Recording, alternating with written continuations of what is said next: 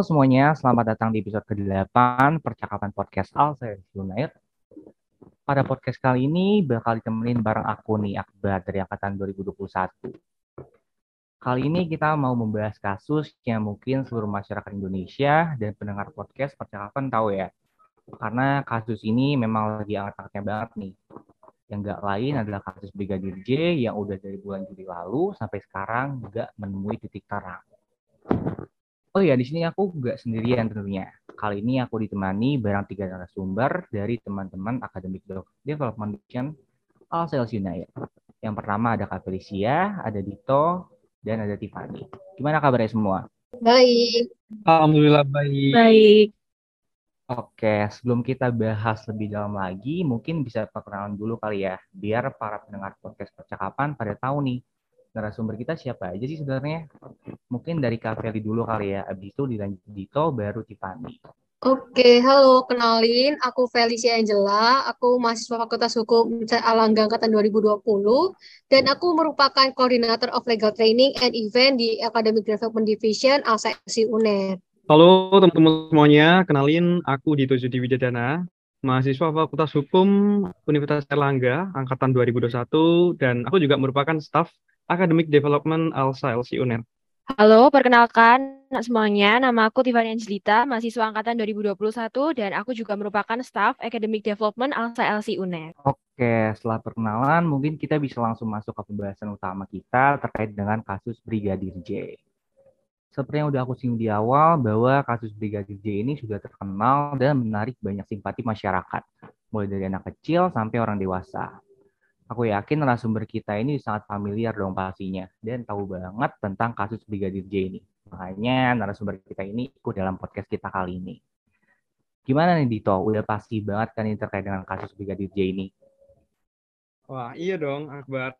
Karena kasus ini tuh udah ramai banget dibahas di mana-mana ya. Apalagi kita sebagai mahasiswa hukum pun juga waktu kuliah dibahas beberapa kali dan ya disinggung oleh dosen kita gitu kan. Jadi ya pasti tahulah Akbar Betul banget apa yang dibilang Dito barusan. Aku jelasin secara singkat kronologi, kronologi kasusnya kali ya. Mungkin buat para pendengar podcast percakapan ada yang belum tahu kasus Brigadir J ini. Oke, jadi kasus Brigadir J ini memang menarik banyak banget perhatian netizen. Karena melibatkan mantan kadif program program itu sendiri yaitu Ferdi Sambo. Ferdi Sambo ini adalah orang yang melaporkan peristiwa tembak-menembak antara Baradae dengan Brigadir J yang menyebabkan Brigadir J akhirnya meninggal dunia. Insiden tersebut diduga terjadi karena Brigadir J melakukan pelecehan terhadap istri Ferdi Sambo yaitu Putri Candrawati. Sekali lagi ini baru dugaan ya. Namun laporan tersebut nyatanya hanya skenario belaka yang dibuat oleh Ferdi Sambo. Yang mana pada faktanya Ferdi Sambo sendiri akhirnya mengakui bahwa ia memerintahkan Baradae untuk menembak Brigadir J dan membuat skenario tembak menembak tersebut. Selain itu, dugaan pelecehan yang menimpa Putri Candrawati juga tidaklah terbukti dan tidak ditemukan unsur pidananya. Dalam kasus ini juga banyak ditemukan kejanggalan, di antaranya CCTV di tempat TKP yang hilang, beberapa alat bukti yang penting justru hilang, hasil otopsi yang tidak transparan, dan masih banyak lainnya. Kasus ini memang tidak dapat dipukuli lagi, membuat banyak orang bingung dan mungkin sudah bosan mendengar kata-kata Ferdi Sambo. Karena memang sudah hampir dua bulan lebih kasus ini berjalan, tidak menemui titik terang. Kalau dari tanggapan Kak Feli gimana nih terkait dengan kasus Brigadir ini? Yang bisa dibilang ngestak di tengah jalan. Ya, kalau dari aku sih setuju ya dengan apa yang kamu sampaikan bahwa memang kasus ini tuh udah mulai redup ya, apalagi udah tertimpa sama berita-berita lain. Dan juga aku pribadi dan mungkin orang-orang lain juga udah bosen ya atau uh, mengikuti kasus ini karena emang kasusnya yang berlarut, kemudian tidak ada kejelasan kasus ini sampai mana dan kapan akan diproses di pengadilan. Dan juga uh, kita sebagai masyarakat terutama keluarga dari Brigadir J itu sendiri kan juga menanti jawaban yang sama ini kita harapkan yaitu adalah keadilan bagi bagi Brigadir J itu sendiri. Dan aku juga sempat-sempat baca dan bahkan keluarga Brigadir J sendiri itu udah mulai lelah ya dan juga sudah tidak tahu berbuat apa karena udah mengupayakan segala hal untuk memperjuangkan keadilan namun tidak ada respon positif. Dan aku, menurutku pribadi itu cukup memprihatinkan sih. Oke, aku juga sepakat sama Kak Feli Memang kasus ini cukup membuat kita pusing ya, karena informasi yang beredar di luar sana juga simpang siur, serta penyidikan yang panjang dan tidak transparan juga menimbulkan keresahan publik terhadap kinerja dari Polri itu sendiri. Mungkin aku mau beranjak ke pembahasan selanjutnya mengenai perbuatan pidana yang terjadi pada kasus Brigadir J itu sendiri. Menurut Kak Feli gimana nih? Ada perbuatan pidana apa aja sih pada kasus Brigadir J ini? Ya, kalau terkait dengan tindak pidana sendiri yang pasti udah jelas itu terlihat adanya tindak pidana pembunuhan berencana ya yang direncanakan oleh mantan Kadif Propam yaitu Ferdi Sambo sendiri yang tidak hanya uh, dilakukan secara individu tetapi juga melibatkan oleh beberapa uh, tersangka lainnya. Dan seperti yang kita ketahui sendiri bahwa Polri telah menetapkan Ferdi Sambo sebagai tersangka dan dapat dikatakan bahwa Ferdi Sambo ini sebagai dalang dari kejadian pembunuhan terhadap Brigadir J.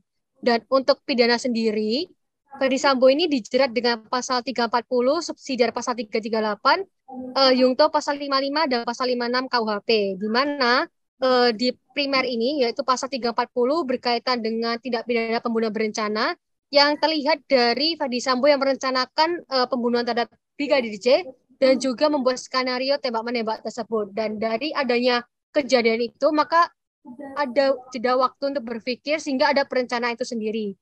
Dan tetapi terkait dengan tindakan yang oleh Fadi Sambuni sendiri juga disubsidiarkan dengan pasal 338 di mana pasal 338 ini merupakan tindak pidana pembunuhan biasa atau bisa dikatakan pembunuhan secara spontan seperti itu. Dan karena dalam kasus ini juga melibatkan beberapa pihak lainnya, maka juga dijungtokan dengan pasal 55 terkait dengan acara penyertaan dan juga pasal 56 terkait dengan pembantuan. Mungkin dari aku gitu sih Akbar. Oke Kak Feli, analisanya keren banget nih. Kalau dari perspektif Dito sendiri gimana nih mengenai perbuatan pidana apa aja sih yang terjadi pada kasus Brigadir, Brigadir J ini? Ya, setelah mendengarkan analisis dari Mbak Feli ya, aku sepakat ya Akbar dalam hal ini karena memang Verdi Sambo ini telah memenuhi unsur-unsur uh, dalam pasal KUHP yang dalam ini yang menjerat ya, dalam hal ini ya menjerat FS gitu. Nah, selain Verdi Sambo, tersangka lainnya ini ada Barada Richard Eliezer juga sebagai eksekutor atas perintah Verdi Sambo. Tentu juga ada pihak lain yang juga ikut turut membantu dalam hal ini uh, Bribka Riza, Riki Rizal, ada Kuat Ma'rud, dan Putri Chandrawati selaku istri dari FS yang juga ada di tempat kejadian, tepatnya di Duren 3, Jakarta Pusat, Akbar. Aku dapat poin menarik nih dari apa yang disampaikan Dito. Tadi Dito bilang kalau Putri Chandrawati ditetapkan juga sebagai tersangka. Pertanyaan aku kok bisa sih Putri Chandrawati ditetapkan sebagai tersangka, padahal awalnya Putri Chandrawati diduga direcakan oleh Brigadir J. Kalau menurut Tiffany gimana nih? Kok bisa sih yang tadinya diduga korban pelecehan justru, justru sekarang ditetapkan sebagai tersangka? Oke, memang pada awalnya ada dugaan bahwa terdapat laporan mengenai pelecehan seksual ini. Tapi pada tanggal 12 Agustus 2022, polisi menghentikan laporan tersebut dan sudah dipastikan nih bahwa tidak ditemukan peristiwa pidana pelecehan seksual yang dilakukan Brigadir J terhadap Putri uh, sebelum terjadinya peristiwa tembak-menembak tersebut. Polisi menduga bahwa laporan ini hanya untuk menghalangi penyidikan kasus saja, yaitu sama halnya dengan obstruction of justice. Kemudian mengapa Putri Chandrawati bisa ditetapkan sebagai tersangka? Nah, kembali lagi bahwa penetapannya ini didasarkan pada dua alat bukti yang terkumpul, yakni keterangan para saksi serta bukti elektronik berupa kamera CCTV oleh oleh Pohli. Dan hal ini dinilai telah cukup untuk menetapkan PC sebagai tersangka. Ibu Putri ini diduga terlibat dalam kasus pembunuhan tersebut dan berada di lokasi kejadian, serta diduga ikut juga melakukan kegiatan-kegiatan dari perencanaan pembunuhan terhadap Brigadir J. Wah, menarik banget ya emang kasus Brigadir J ini. Oh iya, Putri Candrawati ini diserat dijerat pasal apa sih, Tiffany? Mengingat tindakan yang sudah dilakukan oleh Ibu Putri Chandrawati ini, beliau akan dikenakan pasal yang sama dengan suaminya, yakni Ferry Sambo, yaitu pasal 340 mengenai pembunuhan berencana, subsidiar pasal 338 mengenai pembunuhan, jungto pasal 55 dan pasal 56 KUHP. Wah, cukup complicated juga ya kasus ini karena melibatkan banyak orang dan lembaga Polri itu sendiri. Terlebih yang terlibat di sini adalah Kadif yang langsung nih, Ferdi Sambo. Oke, setelah kita berbincang cukup panjang mengenai Ferdi Sambo dan istrinya, mungkin kita bergeser dulu ya ke Baradae, yang dalam kasus ini berperan sebagai eksekutor penembakan terhadap Brigadir J. Baradae ini juga menarik simpati masyarakat nih, karena dia juga dianggap sebagai korban dalam kasus ini. Mungkin aku ada pertanyaan buat Kak Ferry ini. Kira-kira bisa nggak sih Baradae ini bebas dari tuntutan pidananya? Ya, kalau menanyakan terkait bisa apa enggaknya sih tentu ada posibilitas ya. Karena aku sempat baca-baca berita juga dan aku mengutip dari uh, pendapat dari Asep Ira, Iwan Irawan yang merupakan pengamat dari hukum pidana yang menyatakan bahwa memang ada kemungkinan nih bahwa Baradae ini bisa bebas dari jeratan hukum maupun oleh polisi sendiri telah ditetapkan sebagai tersangka dan untuk uh, jatah pidana sendiri oleh Baradae ini juga dijerat dengan pasal yang sama yaitu pasal 340 subsidiar pasal 338 junto pasal 55 dan pasal 56 KUHP. Dan kemungkinan Baradae ini bebas tuh didukung pula dengan adanya pengakuan dari Ferdi Sambo terkait dengan perbuatannya yang memerintahkan Baradae untuk menembak Brigadir J. Dan menurut Asep Iwan Irawan ini sendiri melihat bahwa posisi Baradae pada waktu kejadian ini berada di bawah tekanan ya oleh atasan yaitu Ferdi Sambo dan juga karena adanya perintah atasan, maka Baradae ini bisa dilepas dengan uh, menggunakan pasal 51 ayat 1 KUHP yang pada intinya berbunyi, Barang siapa melakukan perbuatan untuk melaksanakan perintah jabatan yang diberikan oleh penguasa yang berwenang, tidak pidana. Nah, maka dari berawal dari pasal 51 ayat 1 itu, maka berada ini sebenarnya terdapat posibilitas untuk dibebaskan dari jeratan pidana dan memang penerapan dari pasal 51 ayat 1 KUHP ini sudah banyak diterapkan juga ya di beberapa kasus lainnya. Sehingga aku pribadi sih yakin bahwa Barada ini bisa bebas dari jeratan pidana gitu Akbar. Wah, memang kasus ini menarik sekali ya. Wajar aja kalau menuai banyak perhatian dari berbagai pihak. Waktu itu aku sempat baca berita juga kalau Baradae ini juga menjadi sorotan karena mengajukan diri sebagai justice kolaborator. Sebenarnya justice kolaborator ini apa sih itu? Nah, ini nih yang menjadi seru nih teman-teman. Uh, di sekolah baru sendiri ya, uh, mungkin teman-teman bisa mengulas di SEMA nomor 4 tahun 2019. Sekolah ini adalah sebutan bagi pelaku kejahatan yang bekerja sama dalam memberikan keterangan dan bantuan uh, penegak hukum. Nah, ada ini resmi mengajukan diri nih sebagai justice kolaborator tepat pada tanggal 18 Agustus 2022. Pengajuannya, pengajuan justice kolaborator ini diberikan langsung kepada lembaga perlindungan saksi dan korban atau biasa kita sebut sebagai LPSK. Mungkin aku nambahin juga dari yang dibahas terkait dengan justice kolaborator ini karena memang sangat menarik ya. Karena uh, ini juga pertama kali aku sebagai mahasiswa hukum mengetahui ada istilah justice kolaborator ini sendiri.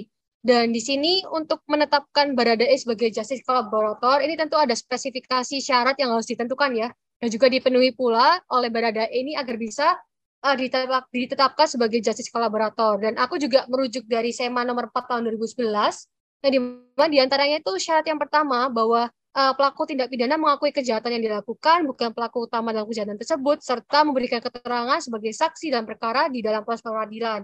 Dan untuk uh, syarat pertama ini, untuk berada sendiri, uh, udah memenuhi ya, karena uh, berada ini sendiri sudah mengakui perbuatannya dan juga ia telah memberikan keterangan yang sampai saat ini itu sangat sangat progresif juga dan uh, berefek positif dalam pengungkapan kasus ini hingga uh, Ferdi Sambo ini ditetapkan sebagai tersangka dan hingga proses hingga saat ini. Dan yang kedua ini, uh, jaksa penuntut umum dalam tuntutannya menyatakan bahwa bersangkutan telah memberikan keterangan dan bukti-bukti yang signifikan sehingga penyidik dan atau penuntut umum dapat mengungkapkan tindak pidana secara efektif, mengungkap pelaku yang lebih memiliki peran lebih besar dan atau mengembalikan aset-aset atau hasil-hasil suatu tindak pidana. Dan seperti sebagaimana kita ketahui bahwa Baradae sendiri telah mengungkapkan beberapa uh, keterangan yang pada akhirnya bisa mengungkap dalang dari pembunuhan Brigadir J ini sendiri yaitu adalah Ferdi Sambo sebagai mantan kadif propam itu sendiri.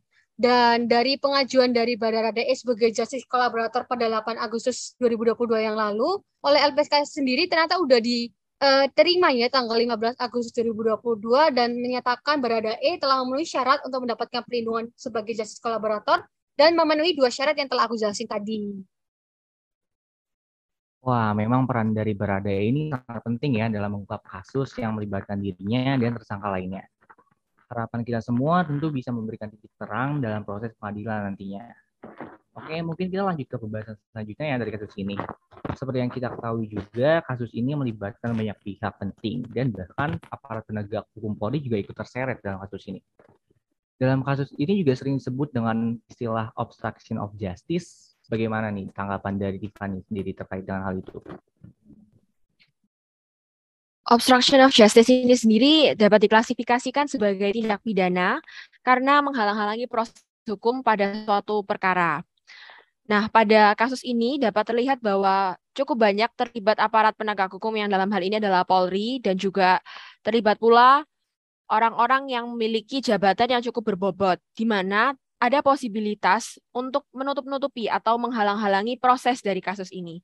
Dalam kasus ini sendiri sudah ditetapkan ada enam tersangka ya, yang melakukan obstruction of justice karena merusak alat bukti, menghalang-halangi penyidikan, serta melakukan tindakan yang mengakibatkan sistem elektronik tidak bekerja sebagaimana mestinya. Salah satunya yaitu CCTV. Kalau menurut Kak Feli, dalam perbuatan tersebut ada pasal apa aja sih nih yang mereka langgar, Kak? Ya, kalau dari apa yang disampaikan Tiffany tadi, memang terdapat enam tersangka yang akhirnya ditetapkan sebagai obstruction justice karena salah satunya merusak alat bukti, uh, terutama CCTV. Nah, terkait dengan perusakan alat bukti berupa CCTV ini sendiri juga termasuk uh, melanggar pasal dalam Undang-Undang ITE, ya ini adalah pasal 49 junto pasal 33 dan atau pasal 48 ayat 1 junto pasal 32 ayat 1 Undang-Undang ITE. Yang di mana pada intinya uh, para tersangka ini telah melakukan tindakan yang dengan cara apa pun itu um, agar sistem elektronik maupun dokumen elektronik atau informasi elektronik ini tidak bekerja dengan semestinya, rusak, hilang dan atau disembunyikan. Dan apa yang disampaikan Tiffany tadi bahwa uh, enam tersangka tersebut terdapat dugaan uh, telah merusak CCTV yang juga menjadi alat bukti kunci dari kasus dari Brigadir J ini sendiri. Dan di sisi lain dari kita melihat dari Kitab Undang-Undang Hukum Pidana, para tersangka ini juga bisa dikenakan pasal 221 ayat 1 kedua dan pasal 233 KUHP, jungto pasal 55 KUHP dan atau pasal 56 KUHP, yang di mana pasal 221 ini menyatakan bahwa e, barang siapa setelah dilakukan suatu kejahatan dan dengan maksud untuk menutupinya atau untuk menghalang-halangi atau mempersukar penyidikan atau penuntutannya, menghancurkan, menghilangkan, menyembunyikan benda-benda terhadap mana atau dengan mana kejahatan dilakukan atau bekas-bekas kejahatan lainnya, atau menarik dari pemeriksaan yang dilakukan oleh pejabat kehakiman atau kepolisian maupun oleh orang lain yang menurut ketentuan undang-undang terus-menerus atau untuk sementara waktu diserahkan menjalankan jabatan polisi. Dan di sini sudah diketahui bahwa para tersangka ini telah berusaha dengan melakukan eh, tindakan-tindakan uh, yang dilakukannya untuk uh, merusak atau menghalangi-halangi uh, penyidikan hingga memang para tersangka ini bisa memenuhi unsur dalam pasal-pasal dalam KUHP. Seperti itu sih. Wah, pembahasan kasus ini sangat menarik ya. Khususnya karena adanya keterlibatan beberapa polisi yang turut menghambat jalannya penyelidikan dari kasus Ferdi Sambo ini. Dan gak heran juga hingga saat ini kasus dari Ferdi Sambo ini gak kunjung usai karena memang complicated banget kelihatannya. Oke, mungkin aku bakal beranjak lagi pada pembahasan selanjutnya Hal ini cukup mengejutkan sih menurut aku pribadi. Karena adanya statement yang dikeluarkan oleh Komnas HAM terkait adanya dugaan bahwa Ferdi Sambo ini memiliki, memiliki gangguan jiwa. Gimana nih tanggapan dari Dito terkait dengan statement tersebut? Oke, ini juga seru ya. Jadi pertama-tama nih, uh, saya klaim dulu, aku klaim dulu bahwa Ahmad Taufik Damanik memang ya dalam hal ini sebagai Ketua Komnas HAM menduga bahwa FS mempunyai masalah kejiwaan hingga melakukan pembunuhan kepada Noviansyah Yosua Huta Barat alias Brigadir J saat wawancara tanggal 13 September lalu. Nah, di sini beliau menyatakan bahwa masalah kejiwaan yang dimaksud ini merupakan sifat superpower yang dimiliki FS karena mempunyai jabatan yang cukup tinggi lah ya sebagai Kadif Propam terus juga menjadi ketua Satgas Khusus Merah Putih dengan kata lain, FS memiliki kekuasaan untuk menyuruh lakukan hal-hal yang ingin dilakukan. Yang dalam hal ini termasuk dalam hal melakukan kejahatan dan menutupi kejahatan itu sendiri melalui bawahannya. Nah, namun sebagai ketua Komnas HAM yang merupakan lembaga independen, pernyataan beliau itu menurut saya kurang tepat ya. Karena menanggapi hal ini seharusnya beliau menyampaikan seberapa jauh sih hasil penyidikannya dan seberapa jauh kemudian tim penyidik hoc dari Komnas HAM ini mencari bukti-bukti yang ditemukan bahwa FS ini memenuhi unsur pelanggaran HAM berat. Jadi ya wajar mungkin ya karena beliau memiliki background sebagai akademisi di bidang ilmu politik dan sosial sehingga meninjau dari perspektif kriminologis. Namun aku kurang puas ya akan statement beliau terkait hal yang sifatnya hanya dugaan semata dan tidak yuridis sama sekali. Oke, tapi apabila frasa gangguan jiwa ini dimaknai dalam tanda kutip gangguan jiwa dengan masalah psikologis tertentu, mungkin dia sih Ferdi Sambo dibebaskan dalam perkara ini sebab dia nggak memenuhi unsur tindak pidana, yakni mens rea, karena pelaku tidak dapat dipertanggungjawabkan atas kesalahannya. Gimana nih kalau menurut Tiffany? Mungkin ada posibilitas ya terkait masalah kejiwaan ini, tetapi bukan masalah kejiwaan yang membuat Ferdi Sambo ini bisa memanfaatkan layanan yang ditawarkan oleh pasal 44 KUHP. Sebab dalam pasal ini yang memuat unsur jiwanya cacat dalam tumbuhnya atau terganggu karena penyakit tidak terpenuhi.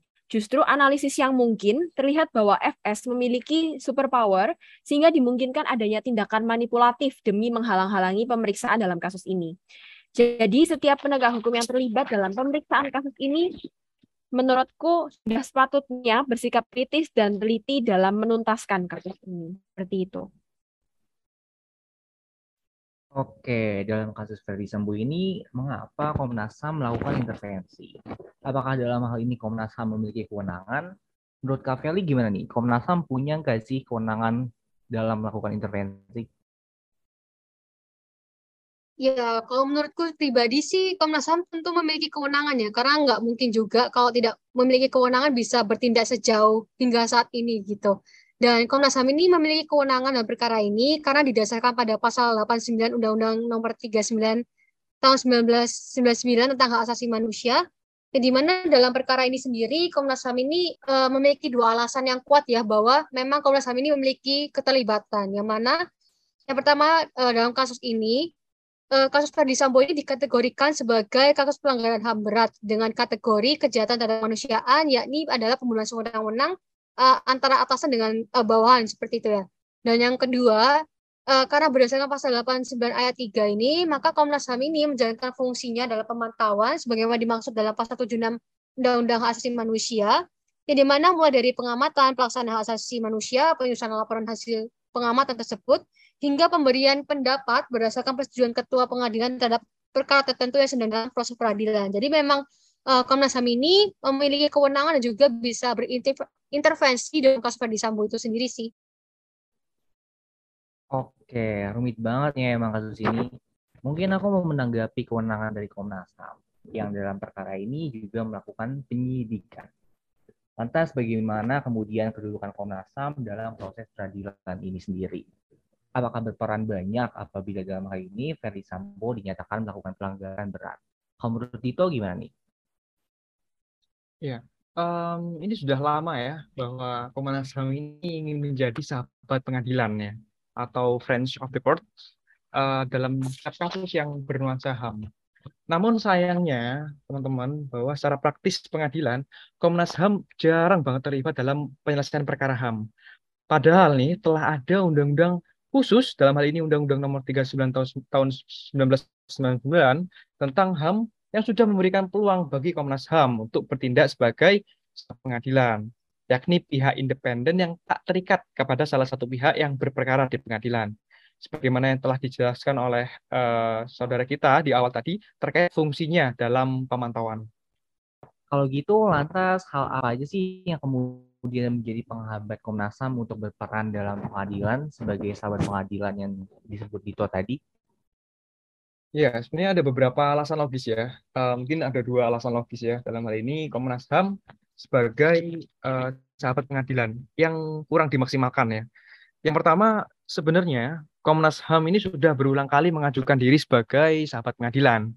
Namun ketua pengadilan atau majelis akan bingung dengan permohonan pengajuan diri itu karena sahabat pengadilan memang belum dikenal di sistem hukum Indonesia, yakni civil law system. Karena hakikatnya sahabat pengadilan ini tumbuh dari common law system. Nah, konsekuensi logisnya akhirnya Komnas HAM diposisikan sebagai ahli. Padahal sahabat pengadilan itu lebih independen, sementara kedudukan ahli hanya akan memihak salah satu pihak karena sifatnya yang dihadirkan atau diajukan. Kedua, Kekosongan hukum dalam pembuktian formil ini ya sejauh ini tidak ada pedoman yang konkret lah bagaimana tempat sahabat pengadilan di dalam hukum Indonesia.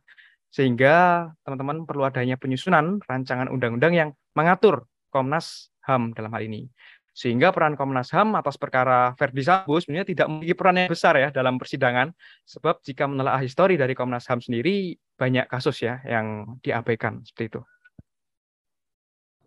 Oke, jadi sebenarnya Komnas HAM ini nggak berperan cukup banyak ya dalam perkara ini untuk memeriksa pelanggaran HAM berat yang dilakukan yang dilakukan oleh Verdi Sambo. Oke, mungkin Tiffany bisa memberikan contoh gak nih? Kasus apa aja dalam hal ini Komnas HAM gagal mengupayakan perkara HAM berat? Oke, terkait kasus HAM yang belum tuntas ini cukup banyak ya sebenarnya.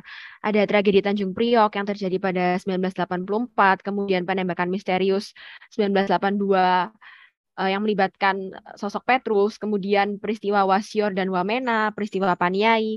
Dan kalau kasus ini tidak segera dituntaskan, tidak menutup kemungkinan akan masuk juga dalam kasus-kasus yang tidak tuntas ini. Uh, menjadi catatan bahwa menjadi tanggung jawab kita semua untuk terus mengawal penuntasan kasus ini. Oke, mungkin cukup kali ya soal Komnas HAM-nya. Aku mau buka topik baru nih.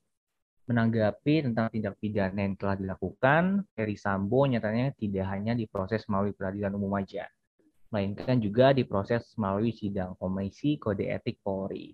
Tiffany bisa jelasin nggak nih bagaimana prosedur sidang Komisi Kode Etik Polri yang dijalani oleh Ferdi Sambo? Sidang Komisi Kode Etik Polri ini merupakan salah satu tahap penegakan kode etik profesi Polri atau yang biasanya kita singkat sebagai KEPP yang bertujuan untuk memeriksa dan memutus anggota Polri yang melanggar KEPP. Nah, kompetensi absolut sidang Komisi Kode Etik Polri ini antara lain Kode Etik Profesi Polri dalam Perka Polri tahun sorry, nomor 14 tahun 2011, pasal 12, pasal 13, dan pasal 14 peraturan pemerintah nomor 1 tahun 2003, dan pasal 13 peraturan pemerintah nomor 2 tahun 2003.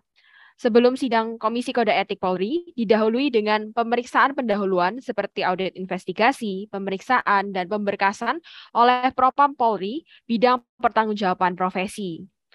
Selanjutnya, jika pihak pelanggar mengalami keberatan, maka ia bisa mengajukan banding layaknya yang diajukan FS dalam kasus ini. Oke, seperti yang kita ketahui bersama juga, Ferdi Sambo mengajukan banding atas putusan yang mendalilkan bahwa ia diberhentikan secara tidak hormat. Namun pengajuan banding ini ditolak nih. Alasannya ditolak banding Ferdi Sambo ini apa sih Kak? Ya, kalau aku merujuk dari pernyataan yang disampaikan oleh Irwasum Polri Komjen Agung Budi Marioto, memang pengajuan banding Ferdi Sambo ini ditolak ya karena memang uh, ini telah terbukti melakukan pelanggaran kode etik. Dan perlu kita ketahui juga bahwa berdasarkan pasal 67 Perkapolri nomor 19 tahun 2012 penolakan banding ini terdapat dua akibat hukum yang di mana uh, menguatkan putusan sidang KKIP yang telah dijelaskan oleh Tiffany tadi ataupun memberatkan sanksi putusan sidang KKEP dan dalam kasus Ferdi Sambo ini sendiri pengajuan banding yang diajukan oleh Ferdi Sambo ini ditolak disertai dengan akibat menguatkan putusan sidang sebelumnya yaitu adalah pemberhentian uh, secara tidak hormat. Dan Ferdi Sambo ini sendiri setidaknya terdapat tujuh kode etik yang dilanggar yang di mana telah diatur dalam P nomor 1 tahun 2003 dan Perkapolri nomor 7 tahun 2022 yang di mana uh, Ferdi Sambo ini telah melanggar sumpah jabatan terkait etika profesi Polri, kemudian menyimpangi norma hukum, dan melakukan tindakan sewenang-wenang terhadap bawahannya, yaitu adalah Brigadir J. Dan unsur-unsur yang telah aku sampaikan tadi sudah menjadi dasar yang sangat cukup ya untuk menyelenggarakan sidang KKP. Dan di sisi lain, hal ini juga menguatkan uh, hasil putusan sidang KKEP mengenai pemberhentian Ferdi Sambo yang tidak hormat dan saksi penempatan khusus di Makobrimob yang di, harus dijalani oleh Ferdi Sambo itu sendiri. Wah, bukti-bukti di atas memang nggak dapat dipungkiri lagi ya. Hal ini menunjukkan bahwa prosedur peradilan Ferdi Sambo sudah selayaknya dilaksanakan demi memperjuangkan keadilan sekaligus menjunjung kode etik Polri. Di sisi lain, prosedur peradilan Putri Candrawati juga nggak kalah menarik nih. Beliau telah ditetapkan menjadi tersangka, namun nggak ditahan bisa dijelasin nih apa sih yang mendasari hal tersebut? Ya, benar sekali ya. Ini ini jadi hal yang cukup unik ya, Akbar ya. Uh, Irmasun Polri juga menyatakan bahwa PC ini tidak ditahan karena ada alasan-alasan kemanusiaan seperti kesehatan dan memiliki anak balita. Tapi setelah kita tinjau ya dalam hal ini untuk menganalisis secara yuridis, menurut pasal 21 ayat KUHAP, jika teman-teman uh, menelaah KUHAP-nya, syarat penahanan tersangka adalah ia diancam lima tahun penjara atau lebih. Nah, dalam hal ini C disangkakan dengan pasal 340 KUHP yang diancam dengan pidana penjara seumur hidup atau pidana mati. Ya sebenarnya saat ini uh, udah cukup ini ya, udah cukup tepat dan sudah menjadi dasar penahanan penahanan PC seperti itu. Menarik ya. Ada ada ketentuan tertentu gak sih yang harus dipenuhi oleh Putri Candrawati selaku tersangka yang ditangguhkan penahanannya? Mungkin Tiffany bisa bantu jawab. Oke, terkait hal tersebut kita perlu merujuk ya pada pasal 31 ayat 1 KUHAP tercantum bahwa penangguhan penahanan dimungkinkan dengan memperhatikan syarat yang ditentukan. Nah, frasa syarat yang ditentukan ini memberikan ketentuan bagi tersangka, yakni PC, untuk wajib lapor, tidak diperbolehkan keluar rumah atau keluar kota. Oh, jadi alasan-alasan seperti itu dapat menjustifikasi penangguhan penahanan Putri Candrawati ya, Tiffany? Ya, jadi sebagaimana disebutkan sebelumnya, menurut pasal 31 ayat 1 KUHAP, memang dimungkinkan untuk melakukan penangguhan penahanan dengan memperhatikan syarat yang ditentukan. Jika memang dengan dalil akuo penahanan dapat ditangguhkan, tentu dong ada riwayat kasus demikian ya.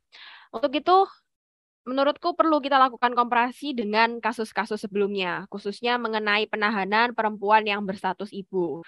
Kasus pertama ada Angelina Sonda, seorang ibu dengan anak usia dua setengah tahun yang kala itu ditahan karena kasus suap Wisma Atlet. Kemudian Vanessa Angel, waktu itu dia sempat ditahan karena kasus psikotropika. Dan pada saat itu Vanessa Angel sedang uh, sedang memiliki bayi gitu ya. Kasus ketiga yakni Nikita Mirzani, seorang ibu dengan anak berusia tiga bulan yang waktu itu ditahan karena kasus pencemaran nama baik. Sebenarnya eh, kasus tersebut masih banyak yang tidak bisa kita sebutkan satu persatu yang melibatkan penahanan seorang ibu dengan anak balita atau bahkan ibu hamil. Nah, seharusnya dalil akuo dapat berlaku pula pada kasus-kasus serupa, sehingga setiap orang memperoleh perlakuan yang sama. Hal ini mengingat asas equality before the law. Namun, penemuan di sini justru membuktikan sebaliknya. Oh lah, jadi seperti itu ya. Waduh, sobat pendengar, gak kerasa nih kita udah ngobrol lama. Yang tentunya obrolannya sangat informatif bareng teman-teman dari Academic Development Division Alsels United. Sayangnya kita harus mengakhiri podcast kita kali ini. Benar-benar gak kerasa ya, tiba-tiba udah 30 menit aja aku ngobrol bareng Kak Feli, Dito, dan Tiffany. Terima kasih banyak teman-teman Academic Development Division yang sudah meluangkan waktunya untuk mengobrol bareng aku kali ini. Oh iya, jangan lupa ya untuk follow podcast Percakapan Alsel Junair karena kita bakalan menghadirkan percakapan yang menarik lainnya. Cukup sekian, aku Akbar, pamit undur diri dan sampai jumpa di podcast percakapan lainnya. Thank you.